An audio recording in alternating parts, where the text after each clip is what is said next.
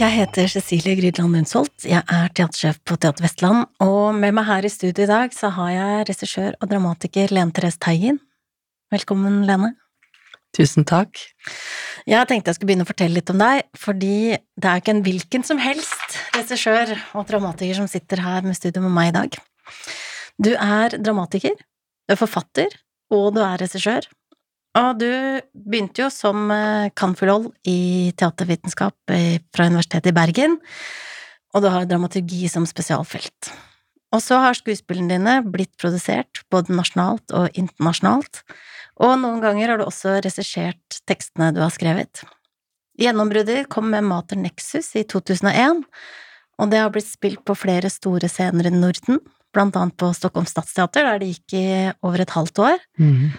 Og det har blitt satt opp på hovedscenen i Tokyo, som du har regissert.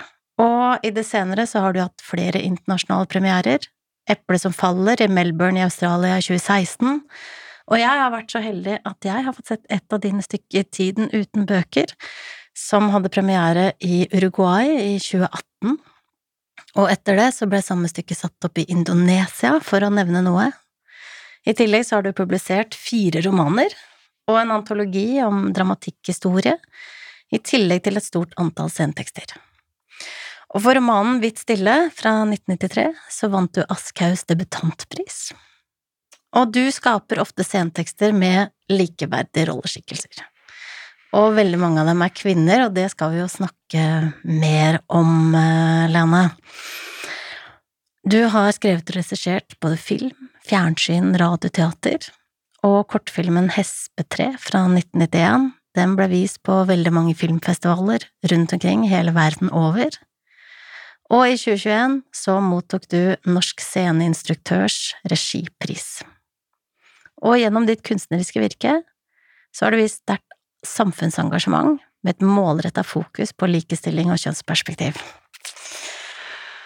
Oi, oi, oi. Ja, jeg gleder meg til å snakke og nerde sammen med deg om eh, regi, Lene, fordi sist vi satt i podkaststudio, så snakka vi om dramatikeren Len Therese Teigen. Mm. Og nå skal vi dypdykke ned i regifaget. Og det første jeg lurer på, Lene, er hva er det som driver deg som regissør? Jo, altså, det kan man sikkert si mye om, men jeg vil vel si at det viktigste for meg er å være sammen med andre mennesker. Eh, fordi jeg jo også skriver, så er det mange som har lurt skal ikke du bare sitte og skrive, burde du ikke bare gjøre det, er det ikke det du kan? Eh, og så begynte jeg jo ganske tidlig å ha regi, eh, ja, ikke bare på mitt eget, men jeg vekslet jo hele tiden. Og det var helt innlysende for meg at eh, hvis jeg skal overleve som menneske, jeg er jo et sosialt vesen, så vil jeg skape sammen med andre. Og teater er et helt fantastisk eh, arbeidssted fordi man arbeider i laboratorium over lang tid, ofte, eh, og man blir godt kjent, man kan dykke ned i merkelige ting og i morsomme ting, og får altså en veldig, veldig eh, flott opplevelse av å eh, tørre å være seg selv, drite seg ut, alt det der. Jeg liker det veldig godt. Jeg liker også å lage gode eh, grupper med mennesker som er sammen. Jeg liker å være den som trekker i trådene for å få det til. Eh, og så er jeg jo kontrollfrik de luxe. så jeg jeg eh, drives kanskje av eh, et ønske om å få, kanskje primært, hvis jeg skal si én ting, musikaliteten, rytmen, som jeg ser i en tekst eller i en situasjon, mm. i, altså ute i hverdagen også, til å trans, altså, transformere seg til å bli um, en del av en teaterforestilling. Det er jeg veldig glad i, hele det uh, som skjer når scenebildet, uh, lyset, farger, kostymer, bevegelse, når alt det på en måte smelter sammen, og det har betydning, hvert øyeblikk er et valg, og hvert øyeblikk har en betydning.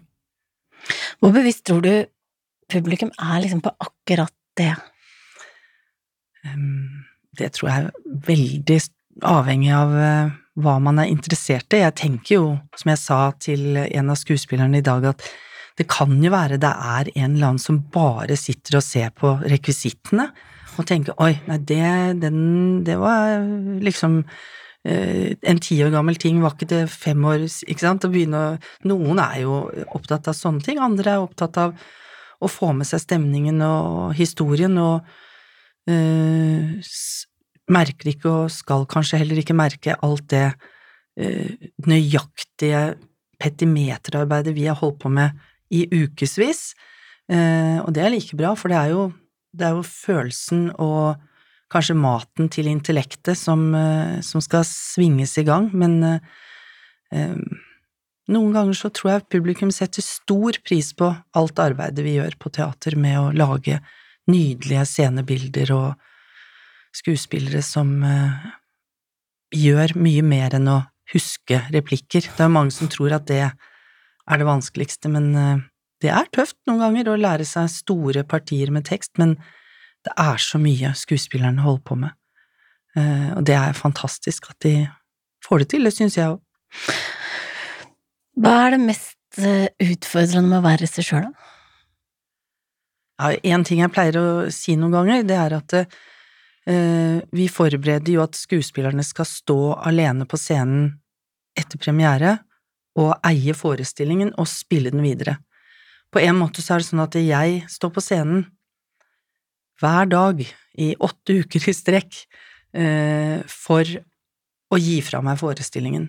Så det er klart at akkurat det å være tipp topp hver dag, være til stede intellektuelt, kunstnerisk, både klare å være analytisk, ha forholdsvis bra humør, få folk til å yte sitt beste, aldri kunne være syk, egentlig, bare stå, stå der og, og, være den som driver disse hjulene framover, det er ganske krevende. Det tror jeg Jeg beundrer mange. Det er jo mange som kontinuerlig arbeider med regi, ehm, og man har selvfølgelig ulike krav til seg selv. Jeg syns det er viktig å være en, en, som eh, får andre til å ha det hyggelig på jobb og yte maksimalt, og det, det er krevende. Du snakker om eh, teater eh, ofte Vi har samtaler som du snakker om teater som kunst, men det er kunst, Cecilie. Mm.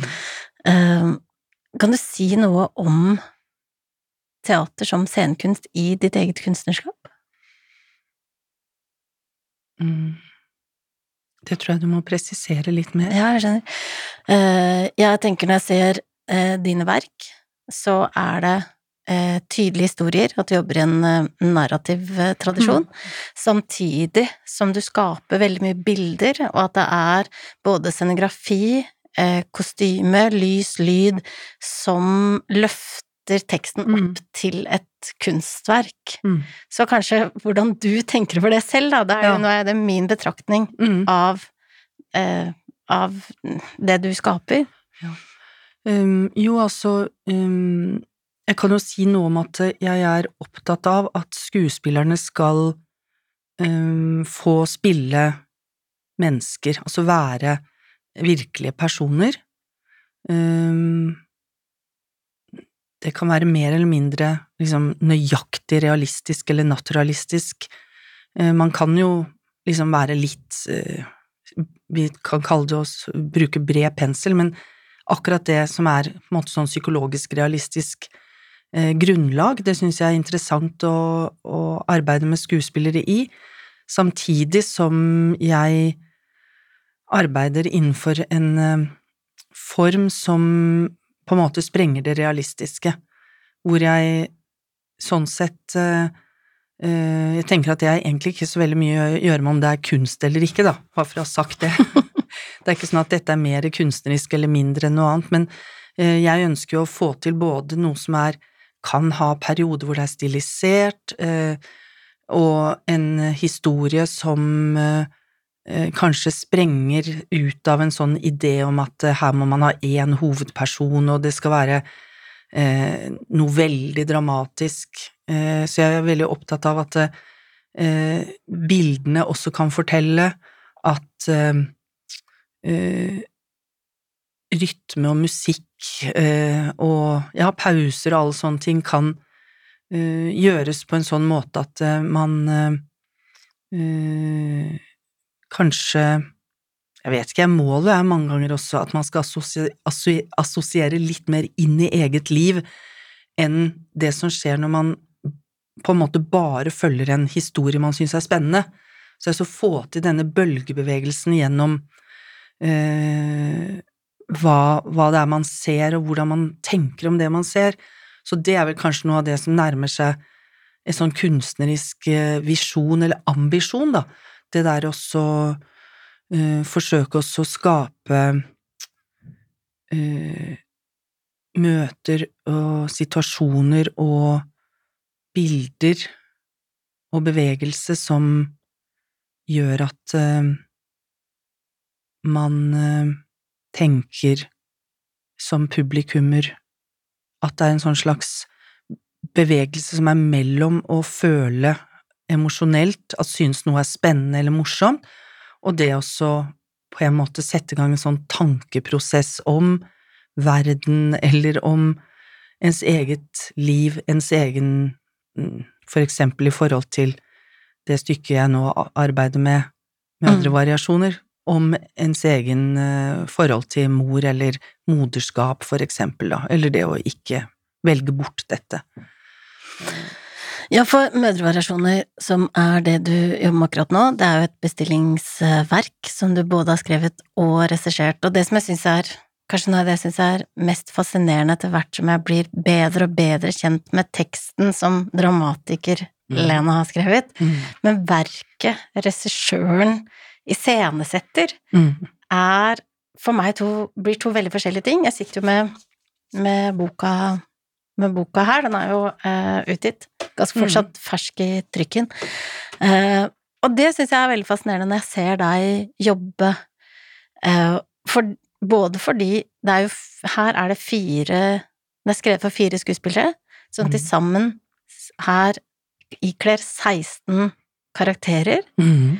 og at hver nesten hver karakter, eller overraskende mange, har en fullstendig reise med en endring som man som regel bare ser i én hovedperson i et stykke, eh, og kanskje det er to som utvikler seg av endring, og her har vi til og med eh, bikarakterer som kanskje er inne i to scener, mm -hmm. som har eh, enorm utvikling, da, i en ekstremt sammensatt vev. Mm -hmm. Og da er det mange spørsmål jeg har i forhold til det, men kanskje, eh, men kanskje det, et av de første er forskjellen fra å Når du har skrevet, når du har skrevet det, så opplever jeg at du er ekstremt eh, flink til å si 'dette har dramatikeren skrevet', nå mm. skal, eh, nå skal du iscenesette det, og går inn på helt samme måte som jeg ville gjort når jeg regisserer. Mm. Eh, kan du si noe om den prosessen for deg? Jeg kan prøve. Um, jo, altså Det aller første jeg vil si, er jo at uh, man skal, skal man regissere, så må man jo analysere det man skal regissere. Uh, når man skriver, så er jo det en uh, prosess som på mange måter på lik linje med å lage kunst ellers også, som også regi er, da, så handler det jo om at man må stole på det intuitive også, og så må man jo tenke litt herregud, hva er det jeg har skrevet nå, eh, hvordan kan dette brukes, og så rydde opp litt, og så gå videre, men allikevel så er jo det en intuitiv prosess, eh, eh, hvordan man får de forskjellige karakterene til å på en måte bli karakterer, hvordan de snakker, eller hva de kan brukes til, liksom, hvordan får man til variasjon, da, som jo er interessant for meg som ofte skriver mange karakterer. Så det er det ene, og det andre er at eh, når jeg da skal gjøre regi, så er jeg jo nødt til å på en måte ta hele uh, Kaste opp i lufta og så rett og slett se på hver eneste bit hva det kan brukes til, og hvordan det er satt sammen, og vurdere på nytt da, hvordan det kan gjøres. Og da blir det jo en helt annen prosess. Det jeg ofte ønsker, det er at det skal gå en tid uh, mellom at det er skrevet, sånn at når jeg setter i gang, og som jeg også mener de aller fleste helt sikkert som arbeider med regi, er opptatt av, men som er kjempeviktig for meg, det er også uh, ta utgangspunkt i hvor arbeidet skal vises, når vi arbeider og når det skal vises, hvilken scene og hvilke scener det skal spilles på. Uh, så, og selvfølgelig, ikke minst, hvem det er som skal arbeide med det, hvem som skal stå på scenen, og hvem som er rundt. Eh, og de premissene eh, gir seg jo ofte litt mer selv, altså en regissør kan ikke velge alt det fritt. Mm. Og det er for meg, når jeg skriver da en veldig sånn klart premiss, at jeg må skrive noe som kan fungere i mange sammenhenger. Fordi man jo veldig gjerne ønsker at et stykke skal bli spilt med, eller produsert mer enn én en gang. Mm, så når jeg da har eh, samarbeidspartnere, tid, sted, alt på plass, da begynner jo en helt ny prosess som er hvordan kan dette realiseres, hvordan kan dette virkeliggjøres med dette teamet her og nå, og selvfølgelig da med tanke på hvem det er som skal se det, hvordan skal vi få dette til å bli så bra som mulig, så fint, en så fin teateropplevelse som mulig eh, med de premissene man har, da. Så det ligger jo til grunn for regiarbeidet. Det er også å være god til å se hva har jeg som utgangspunkt, altså teksten eller eh, materialet man skal presentere, og da eh, hvordan det skal arbeides fram. Men la oss ta utgangspunkt i mødrevariasjoner nå, da. Er det mhm. noe i den teksten som du har liksom blitt overraska over som regissør? Eller ja. sånne aha-opplevelser som Jeg vet ikke helt, altså det er Jeg blir jo alltid overrasket over at det ligger eh, Det ligger så mye muligheter der. Uh, og det er jo gjerne det jeg vil, og jeg, når jeg skriver så er det ganske åpent ofte, det er ikke sånn at jeg tenker jo ikke dette må gjøres på den måten.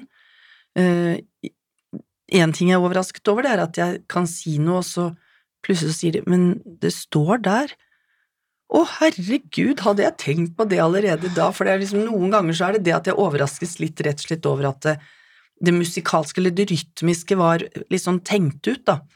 Eh, fordi det gir seg i, liksom, i replikkene.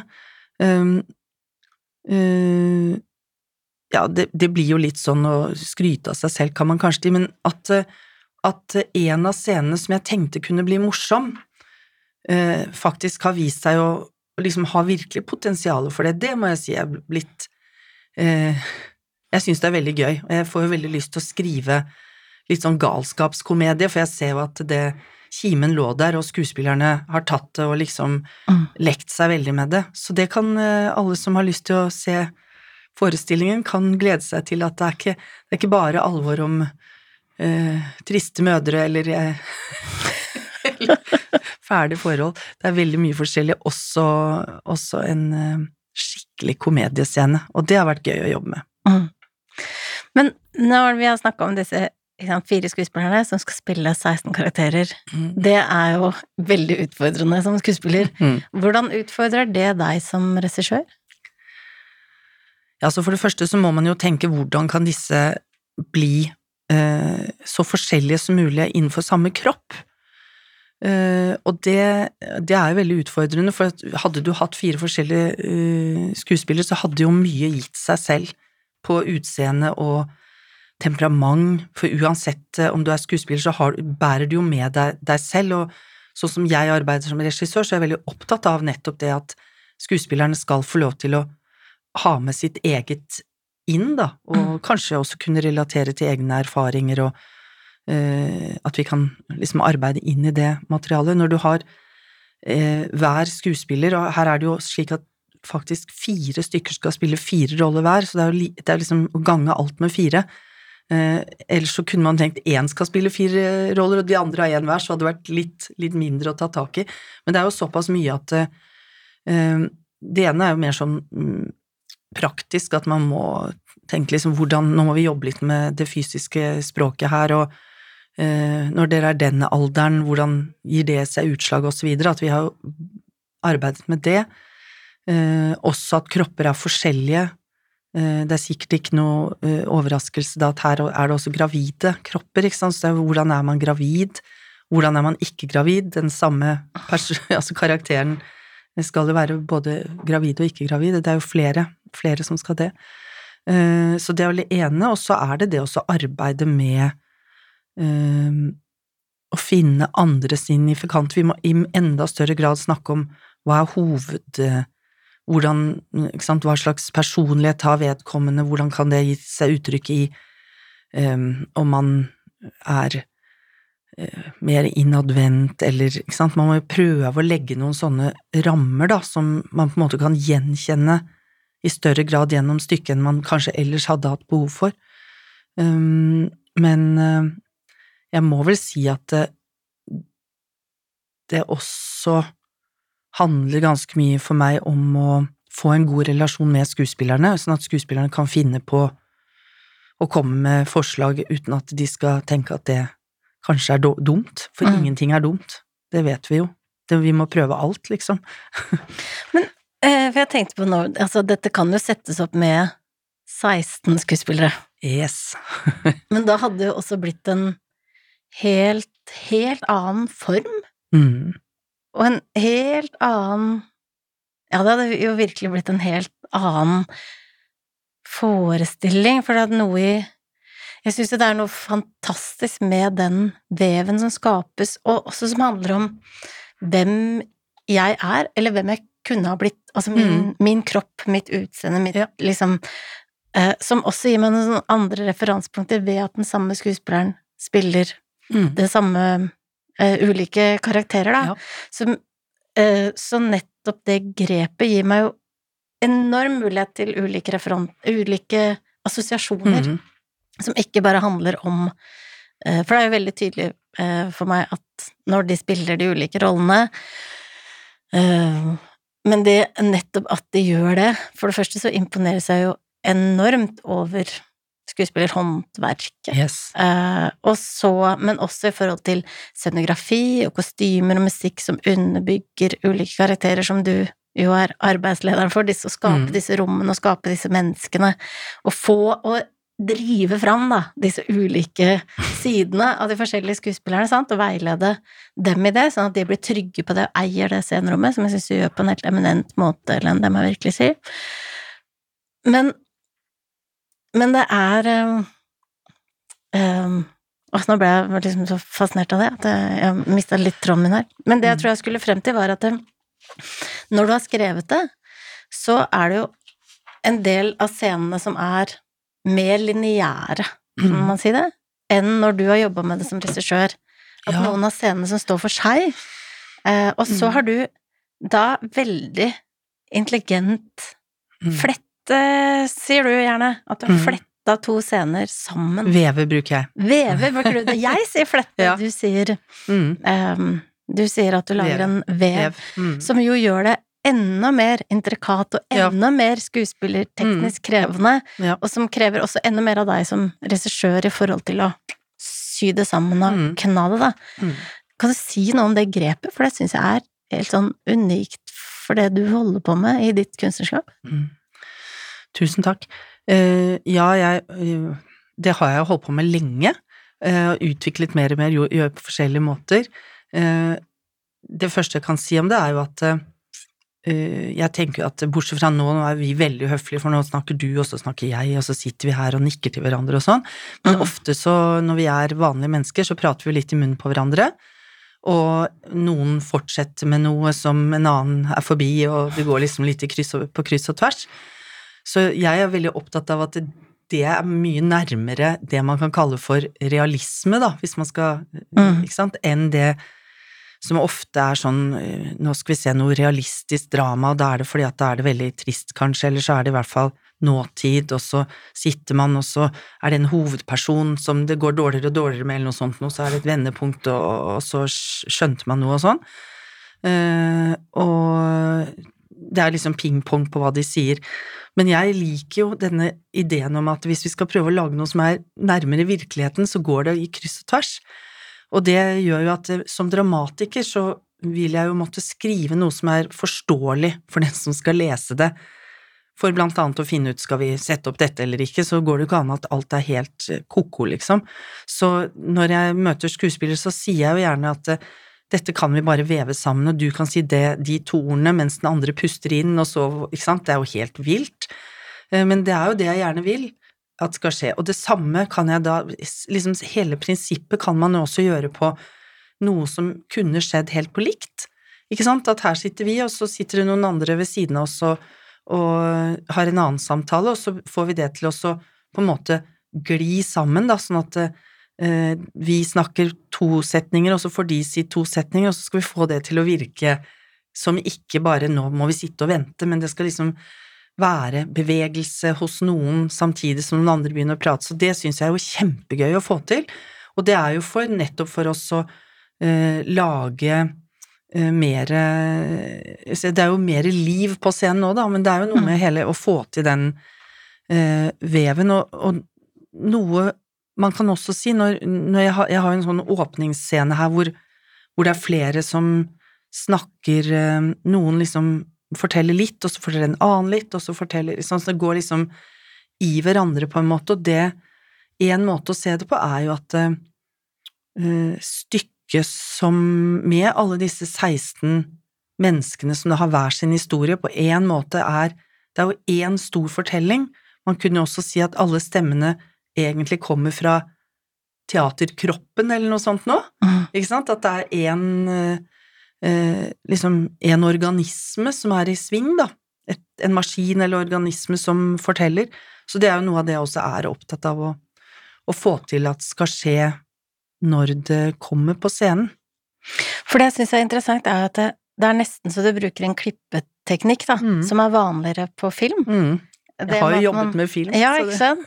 Og samtidig så jobber du her med eh, noen veldig poetiske overganger, Mm. eh, som blir Som jeg opplever at publikum får på en måte hvile Mm. med noen sto, med store bilder, som også er historiefortellende, men kanskje mer poetisk, eller og som rytmisk liksom driver forestillingen Mm. fremover, da, på en eh, Tenker du at du har tatt med deg noe av det fra erfaringen din fra film inn i teaterskjeden? Eh, Ja. Ja. jeg tror egentlig det. For jeg begynte jo liksom mer med film, eh, og jeg begynte også mer med mer sånn eksperimenterende og poetisk film. Eh, Men akkurat Jeg merker jo det, og jeg vet også at mange sier at jeg har gjort Nå er det de Oi. Det er de som sitter bak meg når jeg eh, har skuespillerne foran meg. De sier jeg ser at du sitter og dirigerer, og det vet jeg jo at jeg gjør masse, fordi jeg er veldig opptatt av eh, å få musikalsk Ikke sant, at det skjer noe akkurat da, og det er jo akkurat som å klippe. Du vet, å klippe film som Det må liksom sitte. Eh, og da kan man mekke frem og tilbake med ett sekund for at det skal være Og det er jo klart at skuespillere som eh, får beskjed om at det må være liksom akkurat der og ikke der, det kan bli litt stress etter hvert, men det er liksom det som er prinsippet, det er å få Mm. til dette. Og, og da kan vi jo gå tilbake til at det er jo på en måte dramaturgi dette handler om. Det handler jo om komposisjon av de forskjellige sceniske elementene. Eh, Det ene er liksom musikken, som selvfølgelig hjelper oss framover og driver eller får oss til å stoppe opp og tenke, kanskje. Men hele eh, scenebildet og det som er poetisk opp mot det som går fort, og det som er morsomt og sånn, det er jo Målet er jo å få det til å på en måte være eh, en fin eh, linje gjennom dette, da, sånn at man akkurat når man syntes det var veldig masete og sånn, så poff, så ble det noe som var liksom løftete og sånn, så jeg å få Mm. det til hele veien eh, som en stor organisme, kanskje, og også tenke at det, dette er noe nytt, vi bør ikke tenke at det må være likt som noe annet. Så, mm. så, sånn at materialet, i dette tilfellet mødrevariasjoner, som jeg jo har skrevet, men ikke sant at det krever sin form, liksom.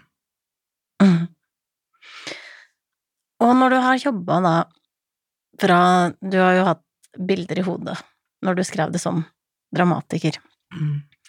Er de bildene annerledes enn sånn når du begynner å jobbe med en scenograf, og du begynner å jobbe med Da er det Kristine Lore som har eh, scenografien på urpremieren. Mhm.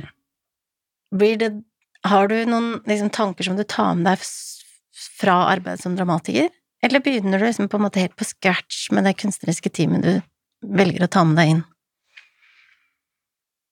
Og det er eh, Jeg har nok noen Jeg har liksom ikke bilder av hvordan scenografien skal være, på en måte, Men jeg har jo bilder, jeg har jo så visuelle bilder, jeg jobber jo veldig ofte med det som utgangspunkt for skriving også, at jeg ser Her så jeg jo mange barnevogner, liksom. Mm. Um, så det er, det er sikkert litt forskjellig, men uh, uh, med dette så har jeg nok uh, Ikke sant, jeg kan godt skrive en scene som er sånn det er, det er noen hjem som Mm. vi kommer til å komme innom i stykket, og da ser vel jeg sikkert for meg en mer sånt altså fire vegger og sånn akkurat når jeg skriver liksom For jeg må jo tenke liksom de praktiske, altså realistiske tingene de holder på med, Mm. hvordan det kunne vært i et hjem. Men jeg, jeg tror at jeg jobber ganske mye med å gi uh, teatrale muligheter, da, gjennom måten jeg skriver på, så jeg ser jeg ser kanskje ikke for meg én måte å gjøre det på, men uh, en retning, kanskje. Mm. Men jeg ser jo for meg ting. Men det er liksom Jeg vet ikke, jeg begynte å skrive det stykket som heter Square, da så jeg for meg en kjempestor dame som fødte et annet, en annen dame ut av munnen, liksom. Og ja, helt Og det startet prosessen med å skrive det stykket. Det er helt klart, jeg vet at det var det som startet. Det er jo ikke noe sted i det stykket at noen verken snakker om det eller sånn, men det ble jo et stykke om blant annet da et par mødre som også er søstre, og, eller mor og datter som også er søstre, og litt sånn, som bare kom mer og mer etter hvert, da. Men øh, jeg visste sikkert at jeg skulle skrive om øh, litt noe litt grotesk eller noe sånt noe, Mm. eh, men også veldig fascinerende, da, selvfølgelig, å snakke om Snakke om Jeg vet ikke, sitt barn, eller jeg vet ikke hva det kom fra.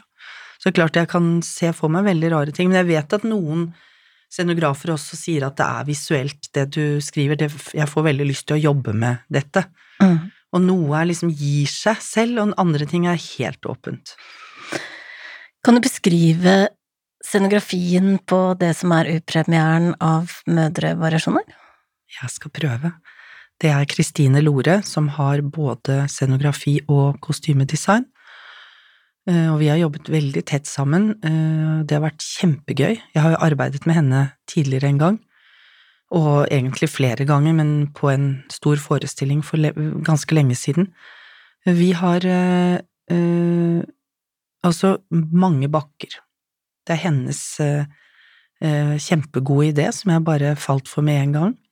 Så vi har nesten litt sånn bakker som flyter i, eh, i løse luften, kan man få følelsen av. Nydelige, og det er akkurat som en litt overskyet himmel speiler seg i bakkene, eller at bakkene er steinformasjoner eller sånn da, i et uh, veldig sånn vestlandsnatur, hvor det er bratt og sånn. Så, og de bakkene, de står ikke stille, kan man kanskje si. De ser vi i stadig nye formasjoner. Eh, høye og lave og ja, de kan man gå på. Var det ok sagt? Ja, det var, det var fint. Det er jo også noe med hvordan Sånn som du snakker om, da, fordi når jeg leste stykket eh, første gang, så er det beskrevet sånn Hjemme hos Kristine. Mm. Eh, og så er det veldig sånn naturalistisk. Eh, nå husker jeg ikke akkurat, Nei, men det er riktig. men du har liksom eh, beskrevet det som et veldig sånn tydelig en, Den leiligheten ser sånn ut, eller det hjemmet. Og så har det jo blitt en veldig sånn abstrakt et, Det blir jo abstrakte hjem som hinter til Jeg kjenner jo igjen disse hjemmene, for Mm. det er jo Selv om uh, Det står ikke så mye om hvordan de er, det bare står at de har et bilde, uh, faktisk, men det er hvordan de blir, de, ble, de andre påpeker hvordan hjemmene er.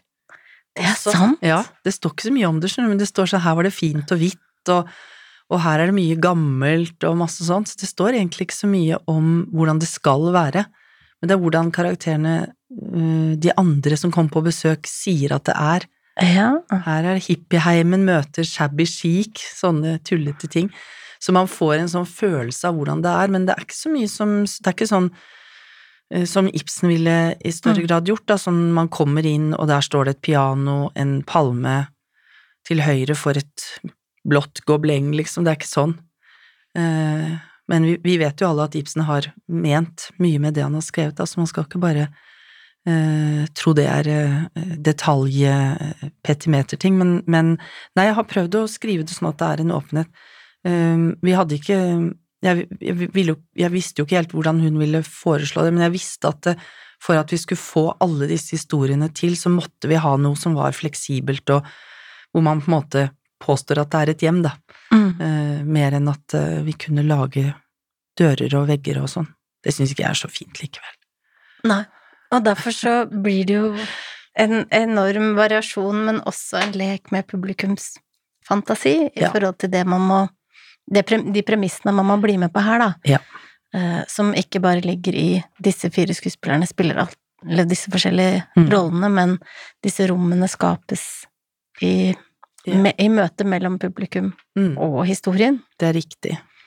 Ja, og uh, tenkte også jeg skulle si at noe annet som jeg arbeider med, som jeg syns er en, et godt prinsipp, som jeg har gjort uh, nå, som jeg også gjorde på den forestillingen Tiden uten bøker som jeg laget i Norge, da, det er at uh, på en måte sporene av fortellingen vår også blir liggende igjen i scenebildet, sånn at etter hvert som vi forteller, så ser vi kan vi huske en tidligere scene, for det ligger igjen en pute eller noe sånn i i bildet, da.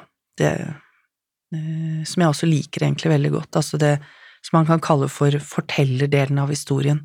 Mm. Fordi vi, vi, Det er jo noe annet som jeg gjør som regissør, er jo at eh, jeg har en eh, Det er et høyt nivå av henvendelse ut til publikum, slik at vi åpner rommet for en, det jeg tenker er viktig som regissør, en felles opplevelse. Det er faktisk noe av det jeg skulle sagt om å drive meg som regissør, mm. som jeg syns er veldig, veldig viktig. Det er jo at når man kommer på teater, så er det et av de få stedene man kommer hvor det er et møte, et virkelig møte med virkelige mennesker. Uh, og det er jo noe av det jeg syns er fascinerende med teater, at det ikke er roboter som gjør det samme hele tiden, men at det rett og slett er levende mennesker som plutselig kan få et hosteanfall eller glemme noe. Eh, og det er jo noe av det som, eh, som gjør at jeg da ønsker en eh, åpenhet til publikum, som gjør at man er klar over at, at man er i samme rom, og at dette er vi sammen som skaper dette øyeblikket, rett og slett. Mm. Så det er jo noe av det fortellerdelen av arbeidet vi driver med, da. Jeg vet at du er veldig opptatt av at publikum som kommer og ser dine forestillinger, skal få lov til å oppleve den, eller liksom forstå den på akkurat den måten som de gjør det. At det ikke mm. fins noen fasit for deg som regissør. Og det tenker jeg også den enorme veven, da, og vi følger jo da disse karakterene over ti år. Um, og vi følger dem i både liksom store situasjoner hvor det skjer store ting, men også mye hverdager hvor alle disse små valgene eh. Vi tar som mennesker, så når man ser tilbake igjen, så opplever man at oi, alle disse, alle disse øyeblikkene, alle hverdagene, denne summen blir levd liv, da. Mm. Og jeg veit at du eh, Og her er det jo Altså, du er innom så enormt mange viktige temaer, eh, og eh, enormt mange forskjellige skjebner. Eh, og jeg veit at du at jeg, Min opplevelse er at publikum, ut fra hvor de er i livet, hvilke referansepunkter de har, kanskje vil ha helt andre fokus, eller sitte ta med seg noen deler av den veven som snakker mer til eh, den ene eller den andre i forhold til ja, hvor man er i livet sitt akkurat nå. Men uten å liksom diktere hva publikum skal oppleve, hva betyr dette verket for deg, eller hva er mødrevariasjonen for deg? Hva er det du